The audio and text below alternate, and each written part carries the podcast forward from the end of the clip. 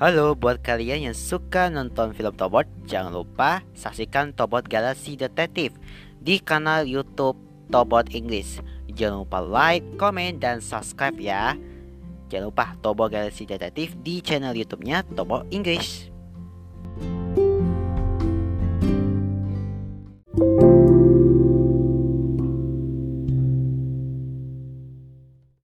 Satu, dua, tiga. Kita ketemu lagi dan kita kembali lagi di podcast Berbagi Cerita Tyler Season 8. Ini sudah memasuki tahap-tahap akhir, ya. Maksudnya tahap-tahap akhir sih bukan akhir dari segalanya ya, tapi kita akan berlanjut ke season baru. Nama saya Mereka Saputra dan teman aku Tyler King sebenarnya sih aku lagi buka sweater ya. Cuma kondisinya lagi panas banget. Jadi harus buka supaya dapat anginnya sepoi-sepoi. Ya biasa lah kayak di pantai gitu lah. Tapi gimana nih kak sahabat?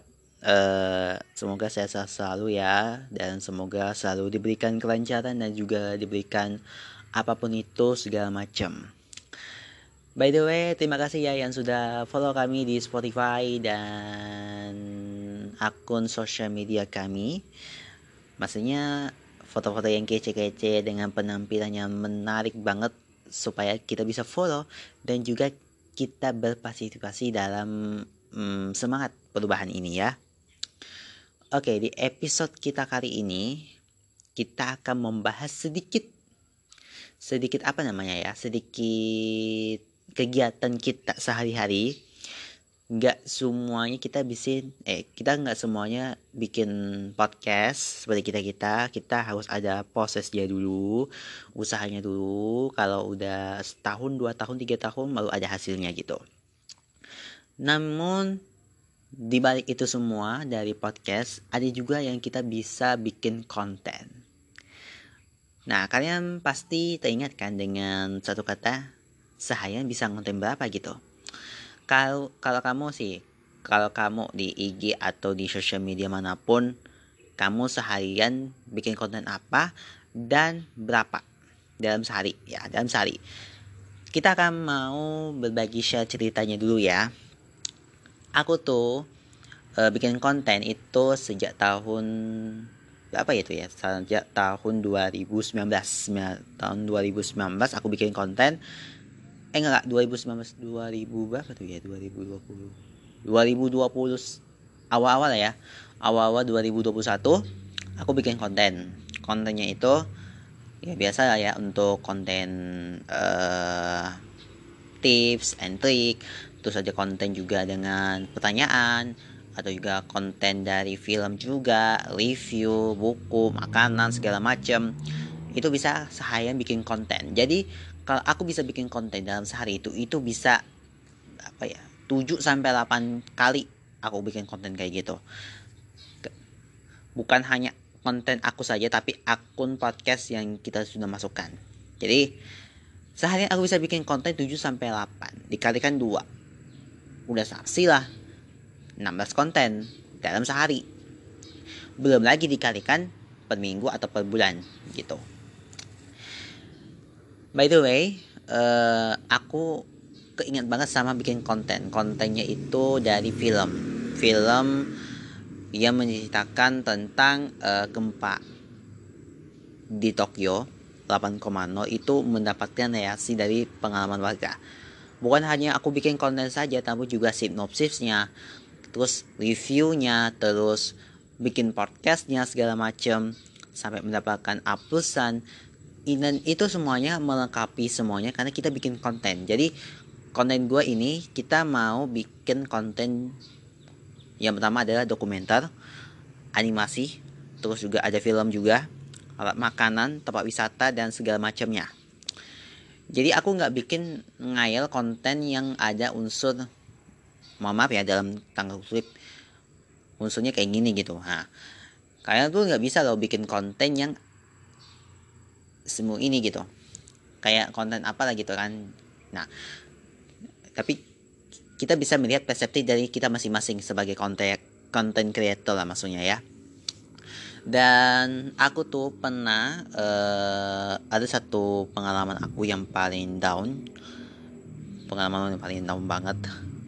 Waktu aku posting ini sebenarnya sih dari Ramadan ya. Ramadan di tahun 2022 jadi aku bikin dulu kan ada sempat uh, download aplikasi ya. Download aplikasi dari Simbi Apartment ya aku masukkanlah dari uh, daftarnya itu. Daftar daftar ya. Nah itulah posting yang pertama aku post itu. Tak lama kemudian ada dapat reaksi dari warga dari Korea jadi aku ngahayal bikin konten ya duh gimana ya aku mau hapus tapi nggak malu ya. Ya udahlah aku hapus aja besok besok aku nggak bikin konten yang di aplikasi itulah. Kan demi menjaga privasinya juga ya kita sebagai pengguna gitu dari Korea. Atau pertama sekali untuk bikin daftar terus aku uh, masuk dari situs itu terus aku bikin konten dari bahasa Korea ke bahasa Indonesia langsung di post dan kemudian dapat hasil lagi artinya aku hapus lagi gitu. Dan itu sempat aku mengalami di tahun 2021 di kampung aku. Itu paling apa namanya ya paling yang nggak bisa diharapkan gitu lah karena aku bikin konten nggak semuanya harus menghibur ya tapi juga inspirasi juga. Terus positifnya juga dapat nah uh, aku sih pengalaman satu konten kontennya juga hak milik orang lain ya maksudnya ya. Cuma ada konten peringatan juga. Hari-hari besar hari-hari nasional itu semuanya diambil. Tapi kalau kamu kau mikir nggak sih kalau kalau kau kalau kau ngambil konten aku ada sanksinya gitu? Adalah sanksinya adalah e, sanksinya yang pertama itu tidak boleh ngepost atau editan yang buka hak dia. Oke sekali lagi ya. Jangan pernah post akun kamu apalagi ditambahkan edit fotonya alias di blurnya gitu supaya masuk ke akun itu. Tapi kau salah gitu. Maksudnya nggak usah bikin capture kan aku yang ngambil dia itu kan. Ya udah aku aku gini lagi aku blok aja di akun nih baik di akun Instagram maupun akun Facebook ya. Tapi aku nggak sebutkan namanya dulu supaya aku dapat mengprivasi orang gitu. Aku nggak mau urusan sama itu oke? Okay? dah. Itulah sih pengalaman aku yang bikin konten yang kontennya hari peringatan konten makanan, konten buku, konten film, apa pun itu semuanya harus dijalani dan bahkan konten kita bukan hanya di Instagram saja tapi Twitter juga Twitter itu harus bikin se apa namanya serinci-rincian kita atau untas di tweet apalagi di Facebook belum lagi di YouTube. Aku nggak sempat buka TikTok ya aku nggak nggak suka TikTok bukan aku nggak suka ya tapi aku belum minat ke TikTok ya. ya udahlah ada lima akun aku. Yang pertama akun Instagram akun Facebook akun Twitter akun YouTube akun Spotify kebayangkan ketawanya seperti apa ya. Tapi ya udahlah. Tapi kalian pernah nggak sih kayak bikin konten segemikian lupa terus kamu punya hak milik kamu di post di Instagram terus ada yang ngambil. Bagaimana ya sih kamu? Seperti apa sih?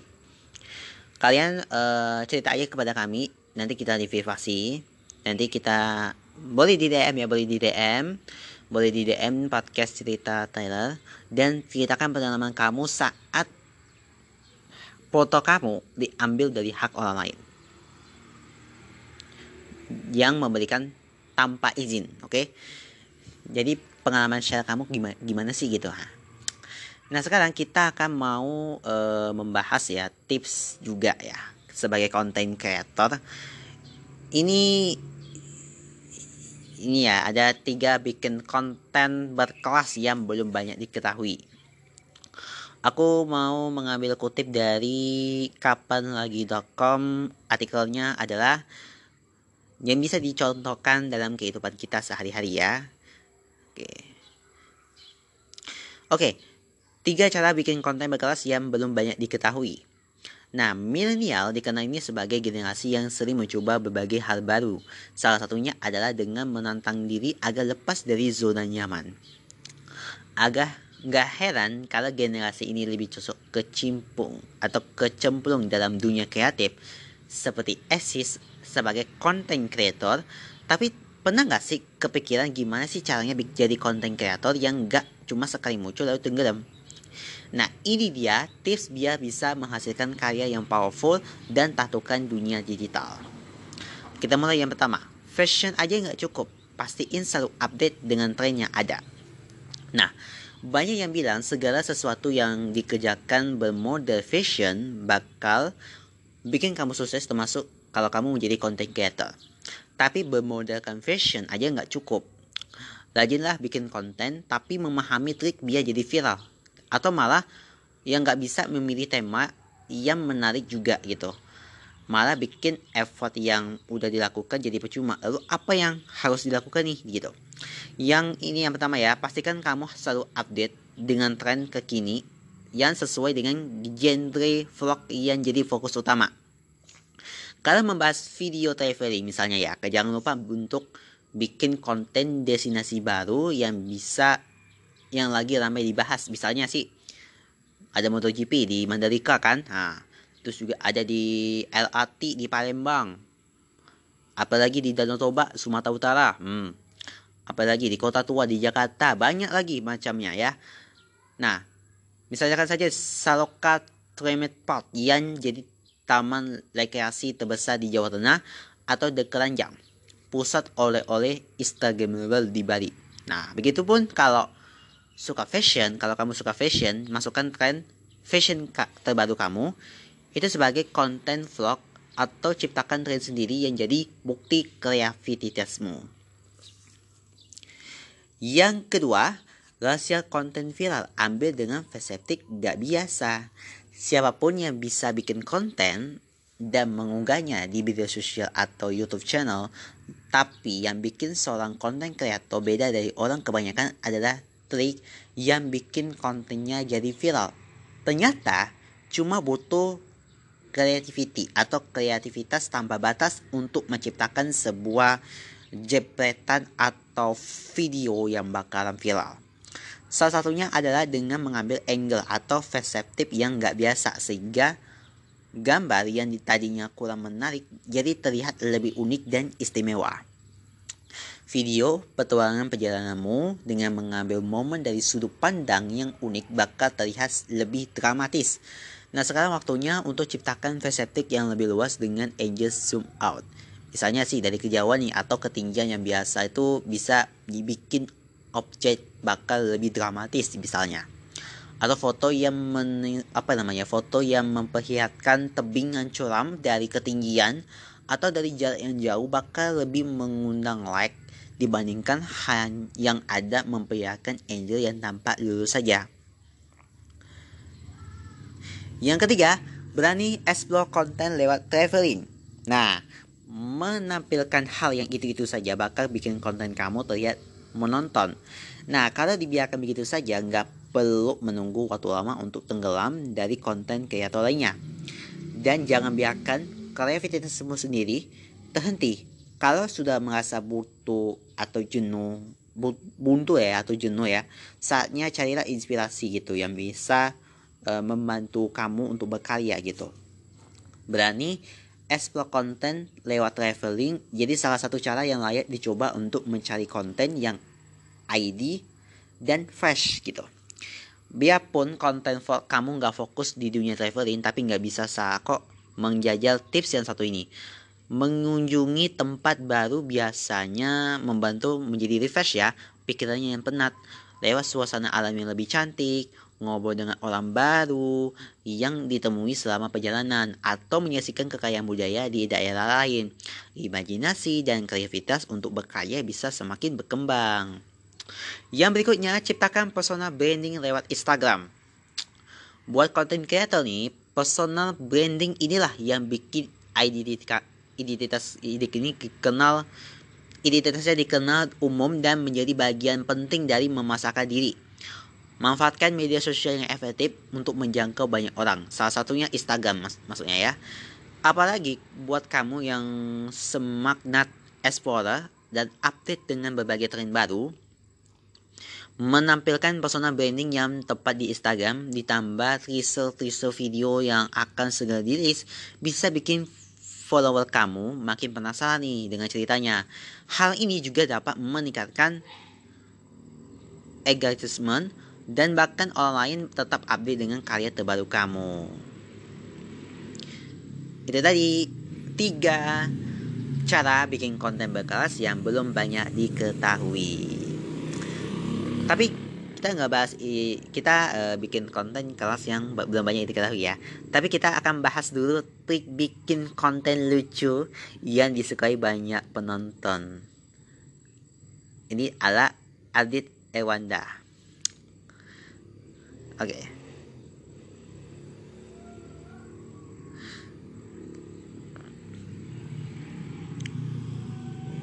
Oke, kita mohon maaf ini ada salah teknis ya. Kita akan cari tahu.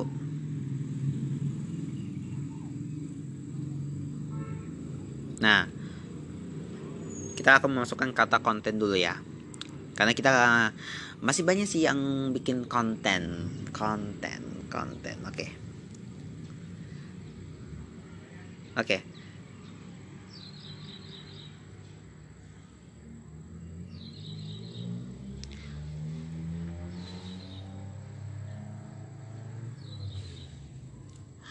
Oke, kita akan bahas sedikit aja ya EVI tentang konten ini sebenarnya. Pengertian, jenis, dan etika dalam pembuatannya. Jadi, Kalian sudah pada tahu kan apa itu konten, penghentian dan jenis konten, serta etika dalam pembuatannya? Nah, membuat media di era digital ini semakin mudah dan murah ya. Bahkan ada yang secara gratis dan ada juga bisa membuatnya dengan memiliki website atau akun media sosial dalam sekejap. Lantas di era digital seperti saat ini nih, konten memainkan peran yang penting dalam dunia bisnis. Konten menjadikan perantara untuk menyampaikan sebuah pesan, Lantas, apa itu konten? Simak ulasannya berikut ini. Yang pertama, apa itu konten secara bahasa? Bila dilihat secara bahasa, sebenarnya si konten itu berasal dari kata bahasa Inggris atau konten yang bermakna isi atau kandungan. Sedangkan menurut Kamus Besar Bahasa Indonesia KBBI terbaru, konten adalah suatu informasi yang tersedia pada media atau produk elektronik. Kata konten termasuk pada kata nomina. Ada pasti paham ya setelah teknologi dan internet berkembang pesat, maka muncullah juga istilah konten digital ya. Namun konten sejatinya tidaklah sebatas pada dunia digital, sebab tayangan televisi dan siaran radio merupakan sebuah konten juga. Kita buat kita akan pengertian konten menurut para ahli ya. Dan kalian harus tahu apa para ahli ya memiliki pengertian tersendiri untuk konten. Salah satunya dari Simatra pada tahun 2011. Beliau berkata bahwa konten adalah pokok, tipe, atau unik dari informasi digital. Konten berupa teks, citra, grafis, video, suara, dokumen, laporan-laporan, dan lain-lain. Dan sedangkan menurut Charlie Burkett, konten adalah sesuatu yang mengisi sebuah ruang. Ruangan itu biasanya berarti apa saja ya, mulai dari platform online, hati, pikiran, dan lainnya. Kita mulai dari jenis konten berdasarkan format. Konten tulisan.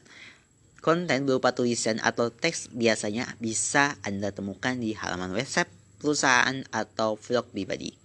Kemudian pada capture pada post di berbagai platform media sosial. Nah, umumnya jenis konten tulisan berisi teks yang disesuaikan dengan keinginan dan tujuan pembuatan konten dari pemilik vlog ataupun website. Yang berikutnya, konten visual. Jenis konten lainnya adalah konten visual. Visual biasanya merupakan seni rupa dua dimensi yang memiliki fungsi untuk menampilkan konteks tertentu. Setiap pemilik bisnis bebas untuk menyebarkan konten visual selama tidak melanggar undang-undang. Netizen membagikan konten visual dengan tujuan sharing terkait keseharian mereka, sedangkan konten kreator lebih banyak membagikan foto keseharian dan promosi brand. Kontennya berupa gambar yang biasanya dibuat dengan visualisasi yang menarik. Yang ketiga, konten audio. Konten audio adalah konten berbentuk suara yang bisa Anda dengarkan. Misalnya podcast misalnya ya. Dari suara tersebut, Anda akan mengangkat konten yang bisa disampaikan. Konten audio bisa dinikmati sebagai melakukan perjalanan atau melakukan aktivitas kesibukan sehari-hari. Yang keempat, gabungan konten audiovisual. Jenis konten audiovisual adalah salah satu jenis konten yang terbilang kompleks. Mengapa? Sebab mencampurkan audio dan video secara bersamaan dalam sebuah karya. Nah, jenis konten ini umumnya ditayangkan pada platform streaming atau media sosial. Bisa juga tayangan di televisi. Melalui konten audiovisual, audiens bisa menangkap informasi dengan lebih terstruktur. Yang kelima, infografis. Berdasarkan dari bahasa Inggris, infographic atau information and graphic berarti gambar berisi informasi. Informasi, maksudnya infografis, merupakan gabungan gambar dan teks. Harman House of Infographics mendes mengartikan atau mendefinisikan infografis ini sebagai bentuk visualisasi data yang menyampaikan informasi kompleks kepada pembaca agar dapat dipahami dengan lebih mudah dan cepat. Tautannya adalah ciri khas konten media online atau halaman website berupa anchor text dan URL URI halaman website tertentu. Tautan yang diklik akan menampilkan halaman yang berbeda dengan yang sedang dibuka pengguna internet electronic book atau e-book. Electronic book atau buku elektronik adalah buku berbentuk file atau bekas yang bisa diunduh dan dibuka pada perangkat komputer, ponsel, dan laptop.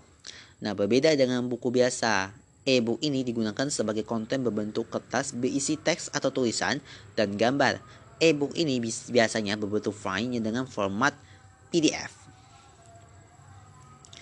Contoh konten dari konten tulisannya, misalkan cerpen, novel, buku ensiklopedia, puisi, promosi, isi email, e-book, tes berita, tes narasi, dan lainnya.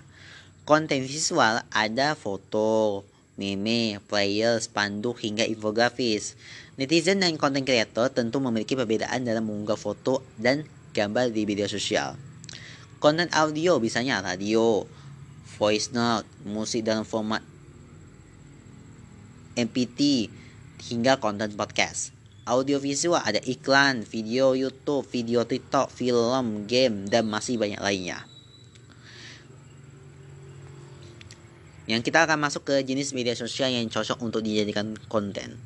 Nah, apabila salah satu posisi digital marketing berpengalaman di Indonesia pernah berkata bahwa setiap media sosial memiliki warna tersendiri, mulai dari tipe pengguna hingga berbeda hingga konten trending yang berbeda.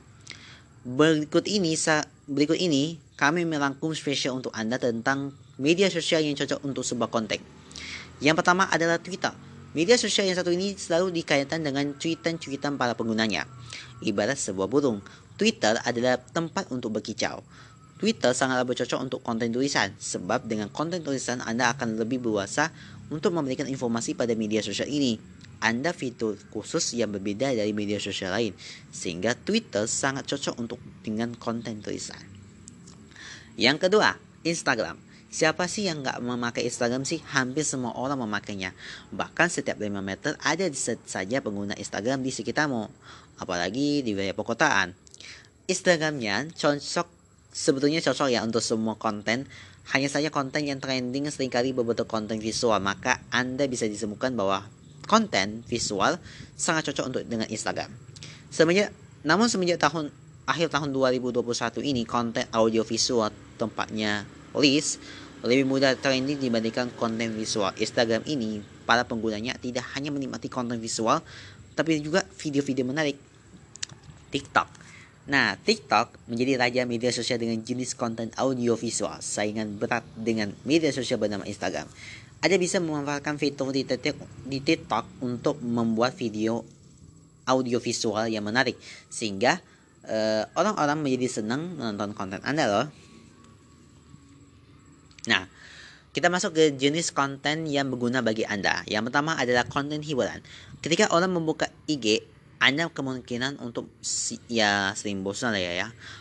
Maka momen itu Anda manfaatkan untuk menyiapkan konten hiburan mulai dari video pendek yang lucu atau mengunggah poster kocak untuk menghibur audiens sehingga ketika mereka ketawa dan tersenyum rasa senang muncul saat melihat akun Anda.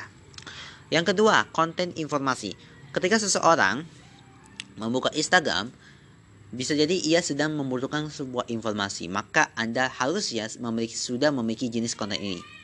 Contoh konten edu, edu, eh, ya, konten edukasi ya ya berikutnya ya. Nah, konten edukasi bisa jadi poin plus bagi bisnis Anda. Sebab ketika orang merasakan manfaat dari sebuah konten yang diberikan, maka ia selalu mengingat brand tersebut, termasuk bila brand Anda melakukannya. Contoh, konten edukasi untuk Instagram audience pasti merasa senang saat Anda memberi informasi yang baik dan terbaru, apalagi bila itu berkaitan dengan minat yang mereka mau. Berbeda dengan konten informasi adalah outputnya. Konten informasi hanya sebatas membuat orang tahu, sedangkan konten edukasi membuat orang-orang bisa melakukan yang sebelumnya tidak pernah ia perhatikan, misalnya sebuah tutorial. Yang keempat, konten permainan. Konten jenis ini membuat audiens tidak hanya berinteraksi dengan like dan komentar, tetapi juga membuat sesuatu yang bersifat kreatif. Ada juga bisa memberikan konten permainan agar konten tidak melulu itu-itu saja. Sep sepertinya konten quiz atau permainan untuk Instagram misalnya. Seperti memberi empat opsi menarik lalu dipilih salah satu menjadi sebuah jawaban. Yang kelima, konten inspirasi. Konten yang dapat membuat para audiens terinspirasi itu penting. Para followers pun menjadi lebih semangat dalam menanti konten ada di Instagram. Biasanya sih ada menyiapkan kata-kata bijak untuk konten ini. Biasa juga untuk menunjukkan sebuah video menarik yang membuat hatinya tersentuh. Konten Q&A, question and answer. Jenis konten ini bisa menjadi konten krusial untuk disiapkan. Sebab BCC jawaban dan pertanyaan yang sering diajukan oleh audiens, terutama para followers di Instagram konten di Instagram tidak banyak biasanya membuat konten lama menjadi tertumpuk. Nah, maka penting untuk itu untuk membuat konten ini seperti pertanyaan alamat, ready stock, dan permainan pertanyaan lain yang sering diajukan. Konten giveaway Ketika Anda sedang membutuhkan perhatian dari audiens sekaligus ini membagi, maka konten yang satu ini sangat cocok untuk Anda. Nah, perlu diperhatikan juga konten giveaway memberikan barang yang bisa membuat follower senang. Entah itu tiket murah, baju bagus, dan kunci Vespa seperti kunci Vespa ya ya. Yang kedelapan, konten tips and trick. Konten ini menjadi semangat sangat berpotensi bila Anda memberi sebuah informasi rahasia yang selama ini jarang diketahui oleh banyak orang. Seperti sebuah teknik atau cara melakukan sesuatu. Misalnya, tips memilih pasangan dari cara ia makan. Bisa juga tips itu menjadikan UMKM itu hingga pabrik menjadi lebih digital seperti yang dilakukan seperti saat ini nih.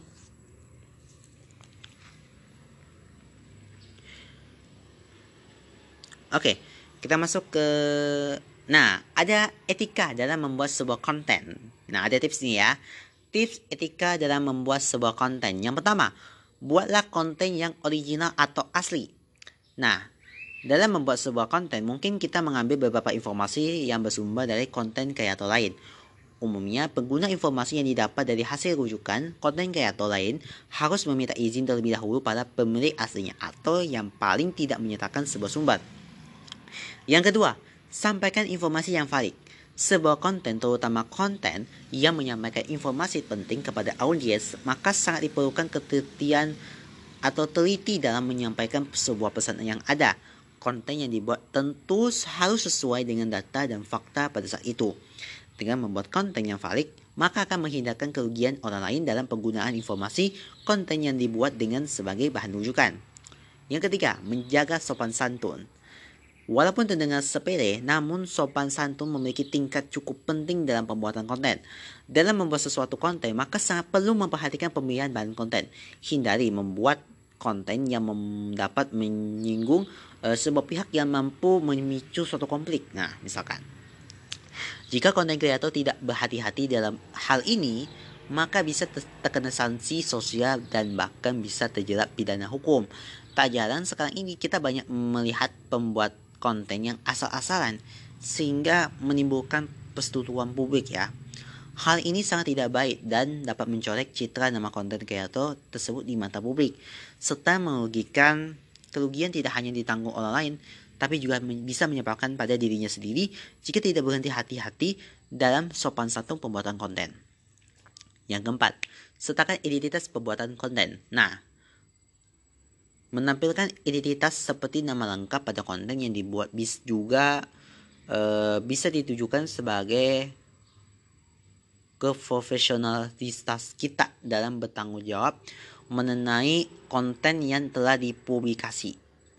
Bayangkan saja jika semua pembuatan cover itu menyembunyikan identitasnya dan mempublikasikan konten yang cukup penting, ya dunia ini bisa jadi ladang konten informasi yang berbahaya tanpa mengetahui siapa pembuat konten aslinya.